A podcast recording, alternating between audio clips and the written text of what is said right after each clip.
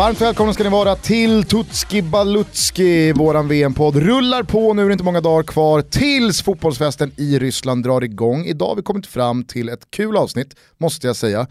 Uh, Thomas Wilbacher sitter och vinkar med handen, uh, ivrig att få säga någonting. Ja, men jag, eftersom vi är tre så är det lika bra att jag räcker upp handen så att jag inte avbryter Som i skolan. Här.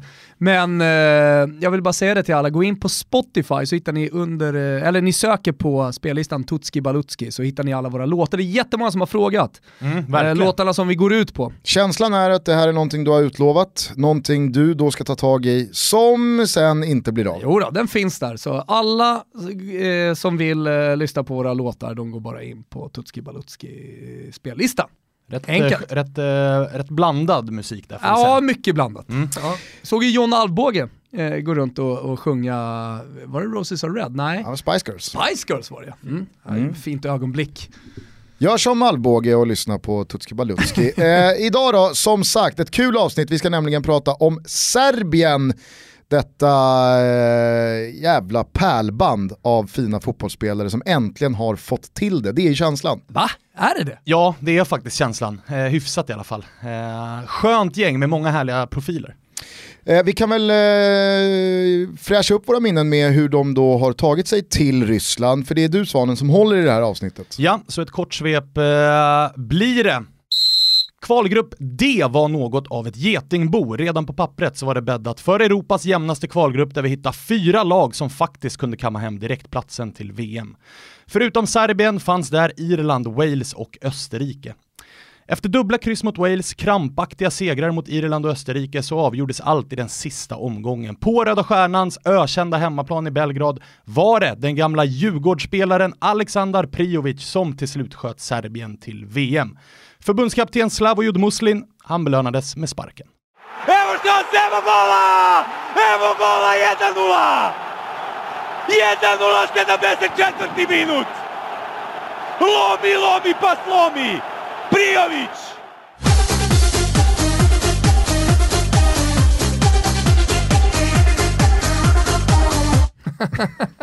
Nej, det, är så jävla, ja, men det, det där tycker jag någonstans ringar in eh, vad, eh, liksom, vad Serbien har varit de senaste åren.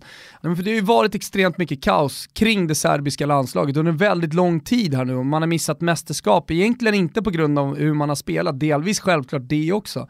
Men det började med kaoset i Genoa 2010 när man eh, ja, gjorde, på tal om kaos, då, man gjorde fullständigt kaos med Marassi. Eh, och där man hade en av klackledarna som gömde sig i bagageutrymmet på en buss, en spelar, eh, spelarbuss, en eh, supporterbuss som skulle åka från arenan. Man hittade honom där till slut, för det var han som hade startat eh, upploppen och så vidare. Och det här eh, sedermera då, till nästa kval följdes upp med eh, den här extremt uppmärksammade matchen mellan Serbien och Albanien. När eh, albanerna skickade in en drönare över, över arenan.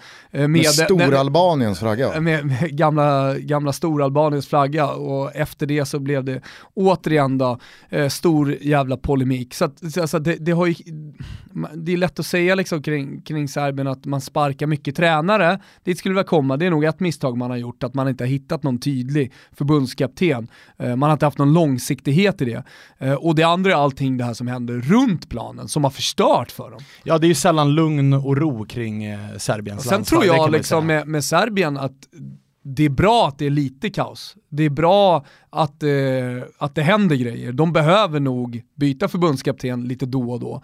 Eh, men det har varit för mycket av den varan. Men som du säger, här bytte man ju förbundskapten eh, direkt efter att man hade kvalificerat sig till sitt första mästerskap på länge. Exakt, och kritiken här var ju att det var för defensivt, det var en del, eh, en del uppkallade spelare som eh, folk i landet inte höll med om att de här förtjänar inte att vara i landslaget. Och framförallt en, eh, en stor eh, spelare, eller en framtida storspelare i Milinkovic Savic som han inte fick, eh, han fick det inte att stämma för honom och då valde man istället att plocka bort honom direkt efter man blev klara. Och det har ju funnits i alla de här kvalen, även fast det har slutat som det har gjort med avdragna poäng och liksom skrivbordsförluster och skandaler, hela tiden ett jäkla bra fotbollslag som man har varit väldigt frustrerad att kolla på. Jag menar jag har flertalet favoritspelare, alltså Nemanja Matic och Kolarov och Ivanovic och, och ändå så är det som att de slutar sist i grupper med tre, fyra blåbärslag för att de får inte ihop det man har ju bara gått och väntat på att den här generationen serbiska spelare ska ta sig till ett mästerskap och förhoppningsvis väl där göra det ännu bättre. Ja exakt, för att kvalitet som du är inne på, individuell kvalitet, det finns det så det räcker och blir över. Alltså vi har spelare som spelar i, i Serie A och varit nyckelspelare, en, en spelare som eh, Maximovic som värvades till Napoli för stora pengar, han är inte med i truppen, Dusan Basta är inte med i truppen. Så det finns spelare som spelar på hög nivå som inte, som inte platsar här. Men extra kul då för alla oss med uh, koll på den svenska fotbollen, att Priovic fick vara lite tungan på vågen här då. Mm. Många minns säkert Lejonkungen från Djurgården som skallade ur sig själv i någon Svenska cupen-match Får han verkligen försvann. epitetet Lejonkungen också? Han kallades Lejonkungen. Mm. Jo men.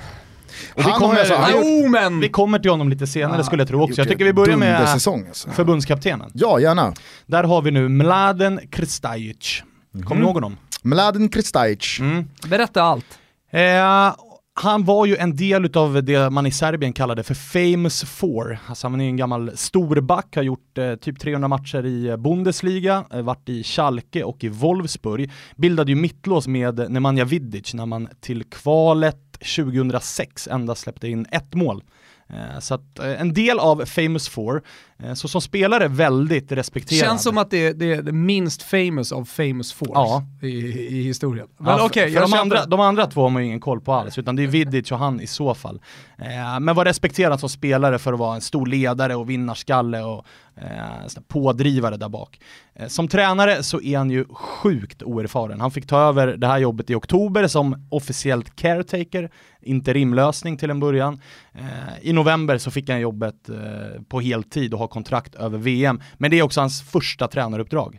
Eh, så att han har ju verkligen noll erfarenhet. Han har fyra träningslandskamper på kontot, två vinster, ett kryss, en torsk. Men jag tror man har fattat en grej här i serbiska fotbollsförbundet, att här gäller det att svetsa samman en grupp. Här måste vi liksom få spelarna att dra åt exakt samma håll. Här, här finns det liksom inte plats för någon som spretar. För det är det som vi återigen återkommer till hela tiden, men, men alltså det är det som har varit problemet. Vi hade eh, Sinisa Mihailovic också innan honom som, som lyckades eh, nej, skapa polemik kring, ja, dels, alltså dels i spelargruppen, dels kring en del spelare, Adem Jajic till exempel. De två gick inte ihop. Så att jag menar så här, ja, här är en som fattar hur det ska vara i det här omklädningsrummet, tror jag. Skulle man kunna säga att han är då lite av Serbiens eh, svar på Johan Mjällby? Om han skulle ta över vårt landslag? Ja, lite kanske. Hyllad mittback, ja. ungefär, ungefär samma eh, ja, åldersspann. Och, och, exakt, och har... Eh, Mjällby har ett... många fina tränaruppdrag på CV. Ja, men framförallt, ja, så har han, han framförallt så har han ryktet om att vara liksom en jävla ledare som inte lägger några fingrar emellan och som, där spelarna kanske är lite så halvt rädda Mjällby. och halvt respekt mot honom. Mjällby. Så att, ah, kanske, du kan Mellberg, ja, ja, ja. Någonstans där landar vi tror jag. Exakt. Man är ju lite spänd på de där andra två från Famous Four. kan jag göra ett eget specialavsnitt kring The Famous Four? jag måste säga, jag vet inte varför, men jag är svag för namnet Mladen. Ja, det är bara det är ju respektingivande. Ja. Mladen Kristajic. Spännande då att det åker ett eh, riktigt eh, blåbär till VM då som förbundskapten för ett sånt här lag. Ja exakt, han kommer ha sex träningslandskamper på, på sitt tränar-CV när han kliver in i den här turneringen. Så det känns, det är verkligen bära eller brista här. Gör han det dåligt, då är frågan om det kommer något mer tränaruppdrag efter det här mästerskapet. Vad har den gode Mladen då för eh, MVP i laget skulle du säga? Finns många att välja mellan, men i ett lag som har eh, rätt mycket stjärnor, rätt mycket så här, eh, smådiver som springer runt så blir ju ändå Nemanja Matic MVP i det här laget. Femman. Femman eh, i guiden, du som satte va? Mm. Visst, det satte fem getingar på Nemanja Matic sommaren 2014 mm. tror jag att det var. Det var det. Eh, inför då hans eh, comeback-säsong i Chelsea. Han var ju i Chelsea en vända, släpptes till Benfica, vände tillbaka när Mourinho tog över. Och eh, jag, jag, kände att så här, när Matic, han är fan ämnad för större uppgifter. Nu kommer fotbollsvärlden att se vilken fantastisk spelare det här är. Satte fem getingar varit ett litet krismöte på Expressen-redaktionen där. Men jag sa att nej, den här slåss jag för, han ska ha fem. Och sen så var han ju han typ lagets bästa spelare. Ja, ja, ja, verkligen. Alltså det Chelsea som vann Nu är han ju inte fem verkligen. längre. Nu har jag gjort eh, Serbien i våra, eh, våran VM-guide och, Men en han når inte riktigt upp. Eh, precis. Eh, men det man ska säga kring den eh, ligaguiden som vi skrev tillsammans Gusten, det är att det var den sista ligaguiden som skrevs på Expressen. Så kanske då blev det bestående. Alltså, Gick ut med en Matic smäll. femman, ja. Gick ut med en smäll. Ja, nej, men, men han, kommer prata bli, om Matic. han kommer bli viktig i det här laget. Han är ju inte lagkapten, det är ju Kolarov. Eh, Men jag skulle vilja säga att på Otroligt planen, märkligt val. Ja, på planen så är det Matic som är ledaren, det är han som är motorn, det är han som styr och ställer. Eh, Framförallt med sitt spel, att det är han som är den liksom lugna punkten på planen eh, i ett annars rätt spretigt lag. Så att eh, på plan så är det ingen snack om att det är han som är Nu tycker MVP. jag att ni är ute och liksom rackar ner på ytterbackar. Bara för att Kolarov är ytterback så är ni och rackar ner på han. Nej, Det, säga att det har honom. ingenting att göra med att han är bara ytterback. med ytterbackspositionen. Verkligen inte. Hade han spelat inte. centralt då hade, ni, då hade ni sagt Kolarov, ja det är perfekt. Nej, verkligen inte. Men Matic har, eh, Matic har lugnet som det här landslaget behöver. Så att jag tror att eh, Mladens gubbe ute på plan är, Matic sätter han dit först på papper. Skulle dock vilja bara minnas eh, lite kort eh, Matic säsong med Manchester United, för jag tycker den har varit ganska svajig. Han gick ju till United från Chelsea i somras under ganska uppmärksammade former. Hur kan eh, Chelsea släppa Matic till en direkt konkurrent och hur, alltså, hur kan man ens eh, göra något sånt? Och det var inga stora pengar, var det 300 miljoner eller något Ja. Ganska stora pengar. Hur som helst, i de första matcherna så kändes det som att Matic och Pogba centralt hade liksom hittat en perfekt kemi. Men ju längre den här säsongen har lidit så skulle jag nog vilja påstå att det är Matic som nog har droppat mest i liksom kvalitet. Han kändes ju stora delar av vintern och tidig vår som att, vad fan, Matic är helt under isen. Och då, då ställer man ju sig frågan, är det Matic eller är det United? Som alla spelare i Manchester United som har underpresterat. Ja, nej det är klart att det, det, det finns Å andra en, sidan tycker man att han borde passa perfekt i just Mourinhos lag. Ja, Ja exakt, för där flög han, han flög ju under Mourinho tidigare, så varför gör han det inte nu? Men hela United har ju, som du är inne på Thomas, gjort en märklig säsong. Fanns det spelare som du funderade kring som MVP när du valde Matic? Eh, ja, och en av dem kommer vi till när vi ska snacka stjärnskott. Jag tänker, för jag kan, eh, alltså, jag, jag misstänker att han inte är stjärnskottet, men alltså en Branislav Ivanovic, Mm. där har du ju också en sån här Verkligen. erfaren eh, kugge som garanterar en lägsta nivå Serbien mår bra av. Ja, ja, ja, och backlinjen har de ju bra. Alltså med Kolarov, med Ivanovic, med eh, Nastasic så, så finns det ju klassspelare. Eh, och bakåt ser de ju extremt bra ut. Så därför tycker jag att det är klart att han är och nosar på en MVP-roll, eh, men för, hela, för att hela laget ska funka så är Matic spindeln i nätet. Så eh, för mig given där. Stjärnskottet eh, misstänker jag spelar sin fotboll i Lazio. Ja, Sergej Milinkovic Savic som fan ryktas till varenda storklubb i hela världen nu. Men det är, med all rätt också, det är en spelare som är född i Spanien. Eh, mittfälts eh, dynamo passar ju bra på den här spelaren. För han kan spela defensivt, han kan spela offensivt, han kan spela lite ute på en kant, eh, han kan spela som en av tre på mitten, han kan till och med spela som släpande anfallare har haft det svårt att få det att lossna i det här landslaget. Och det var ju mycket därför också den tidigare tränaren Muslim fick sparken. För att förbundet såg vilken stor eh, stjärna man hade här, men som inte hittade någon roll för honom på planen. Nu ska den nya göra det, Mladen, och eh, gör han det så kommer han inte bara för oss som följer Serie A, utan för hela den internationella publiken få ett sånt genombrott i sommar. Mm. Ah, han har ju stått för en otrolig säsong Thomas.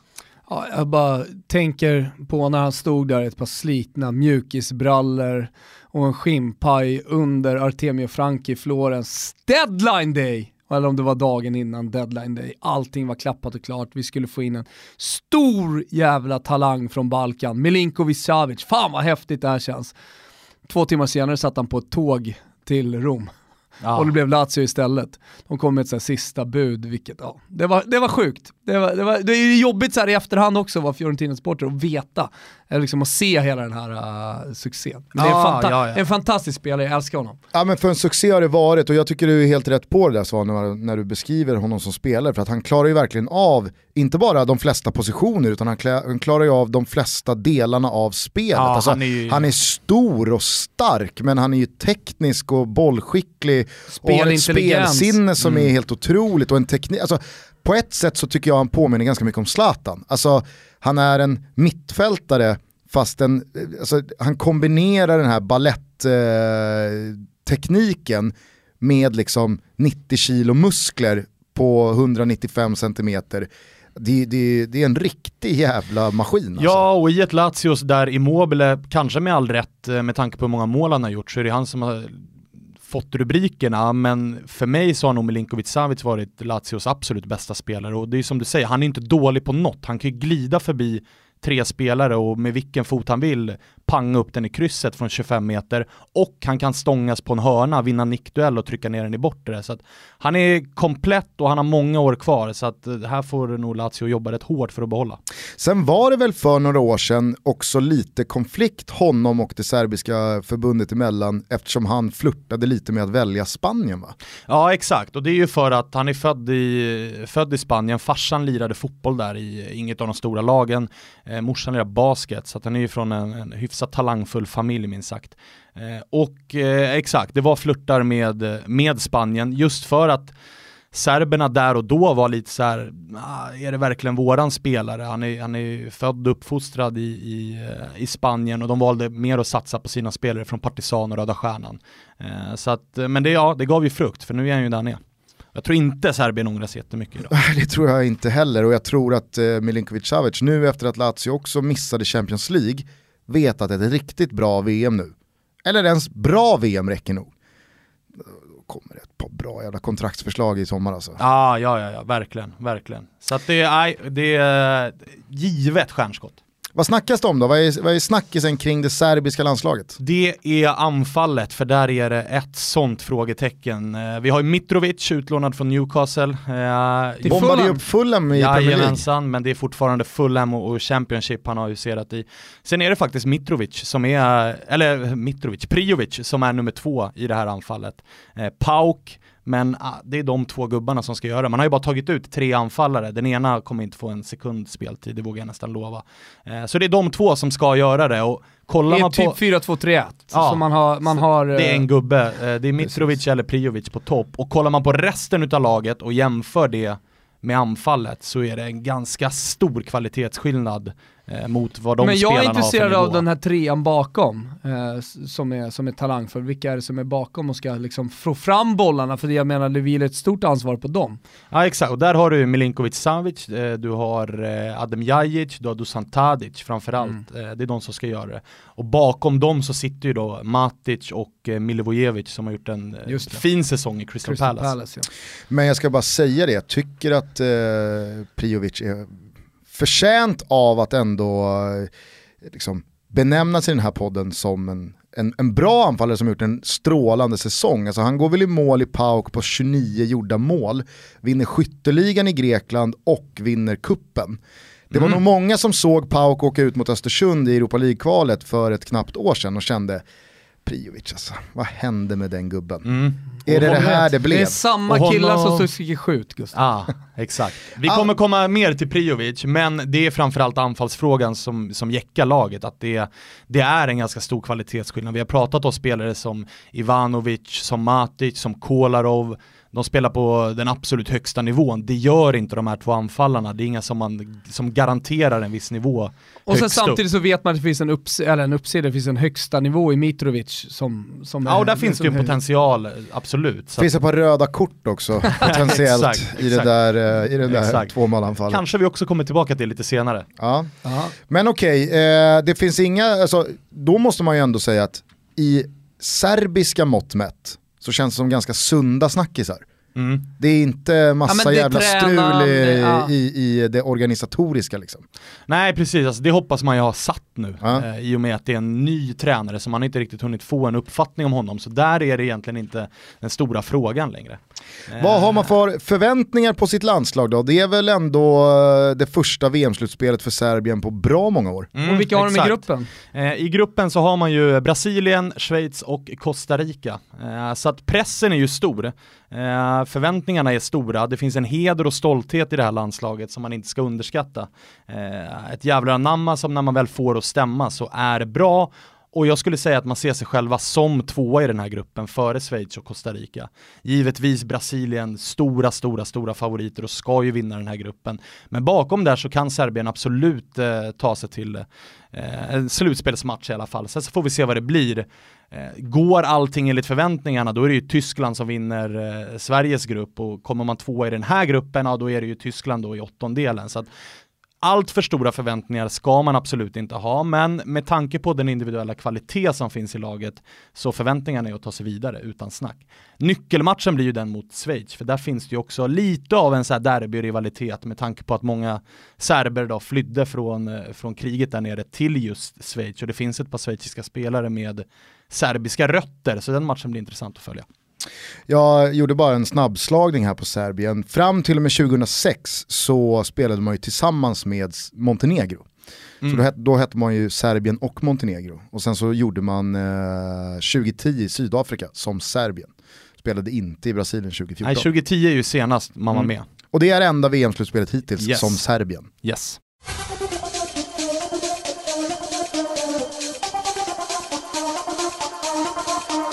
Kokar det här ner eh, till något uh, rubelspel då borta hos Betsson? Ruben blir ju givetvis då över 1,5 röda kort i turneringen, för här ska det brinnas. Eh, det finns som sagt heder och stolthet på spel. Det finns dessutom motståndare här som bjuder upp till eh, en del härliga matcher. Jag var inne på Schweiz-matchen där det finns en rivalitet, det kommer vara ett eh, extremt tryck i den matchen. Det finns ett Costa Rica som är gidriga att möta skulle De jag säga. De lägger ju inte fingrarna emellan Nej, heller. De backar inte en duell. Och sen så har vi ju brassarna där kan det ju hända exakt vad som helst från Serbien. Säg att man redan är ute när man möter brassarna. Möter man dem ja, i sista matchen? Det, ja, då kan det, ja. Ja, eller om allt står på spel, det är 0-0, det räcker med en pinne. Eh, då kan det ju vara liksom, ja, spela för kung och fostrande. Ja, eller, kanske, eller kanske ännu värre, alltså ett eventuellt faktiskt shit-rött. Alltså att det står 4-0 till Brasilien och det är 20 kvar.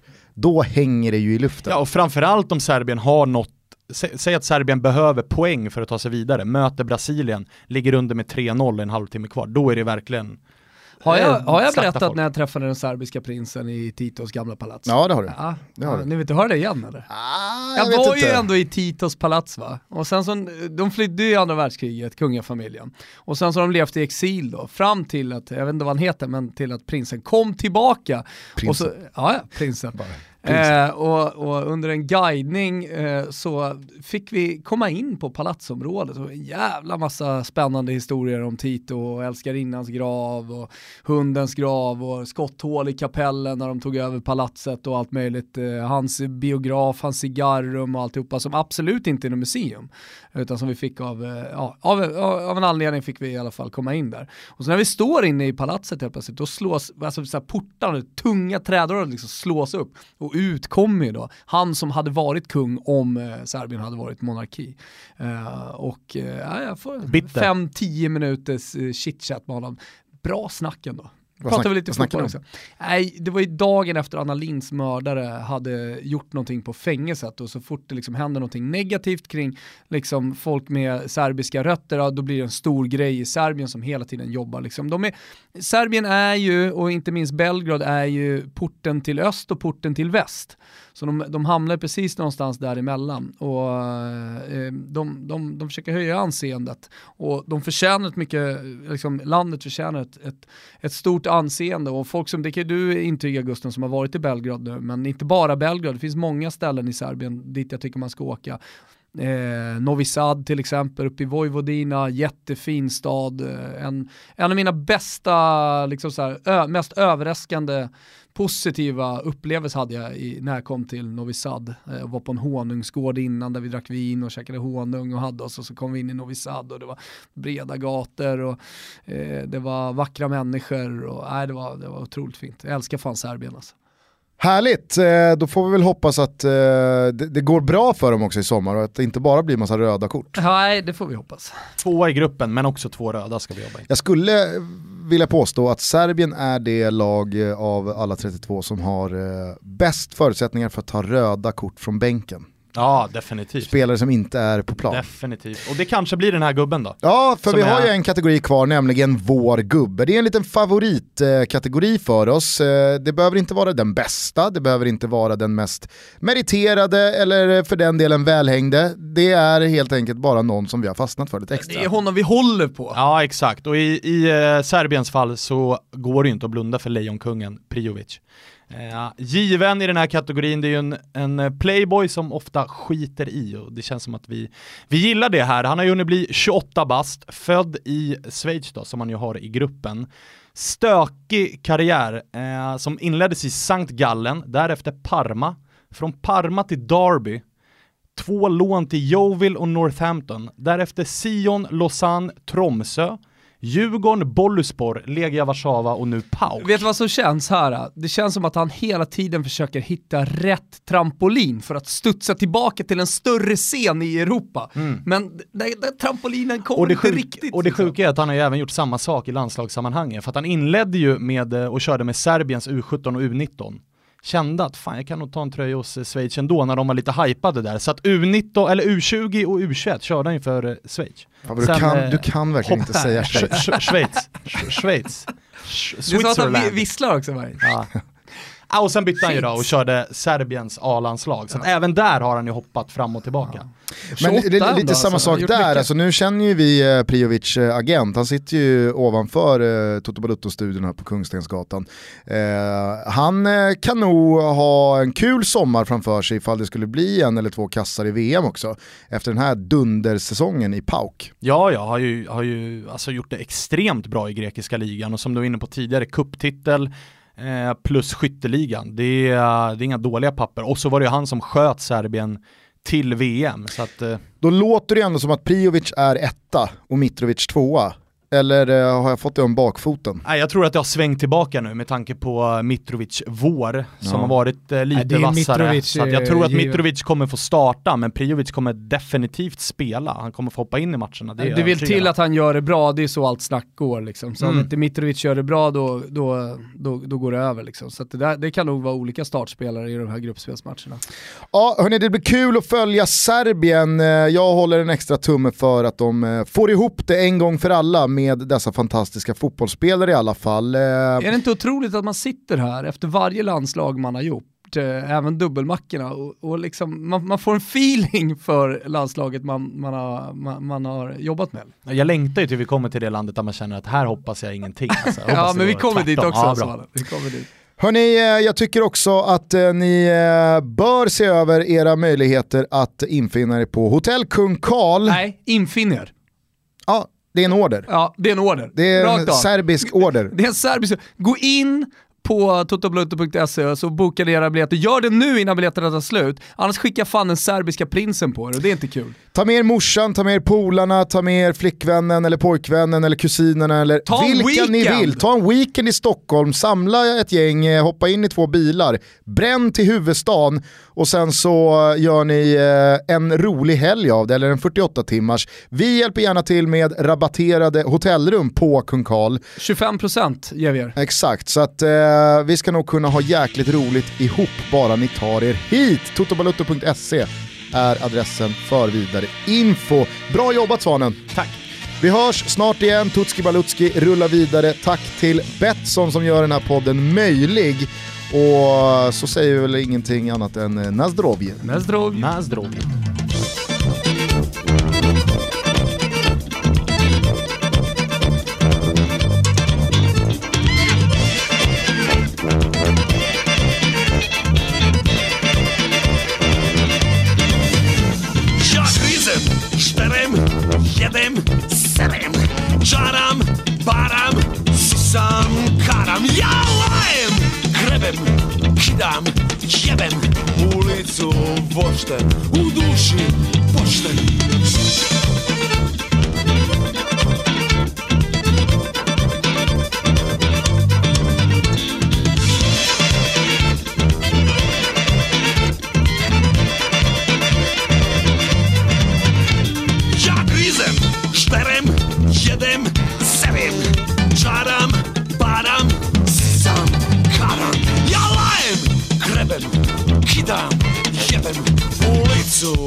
Pošten u duši Pošten, ja sam bitch boy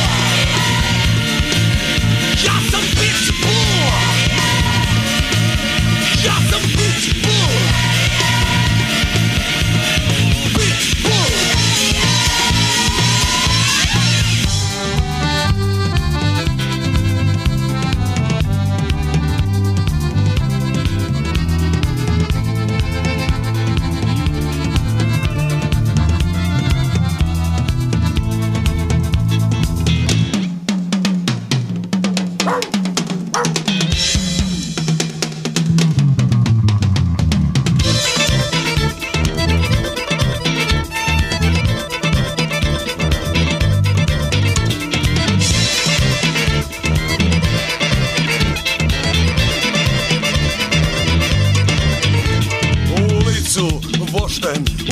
you. Poświęcia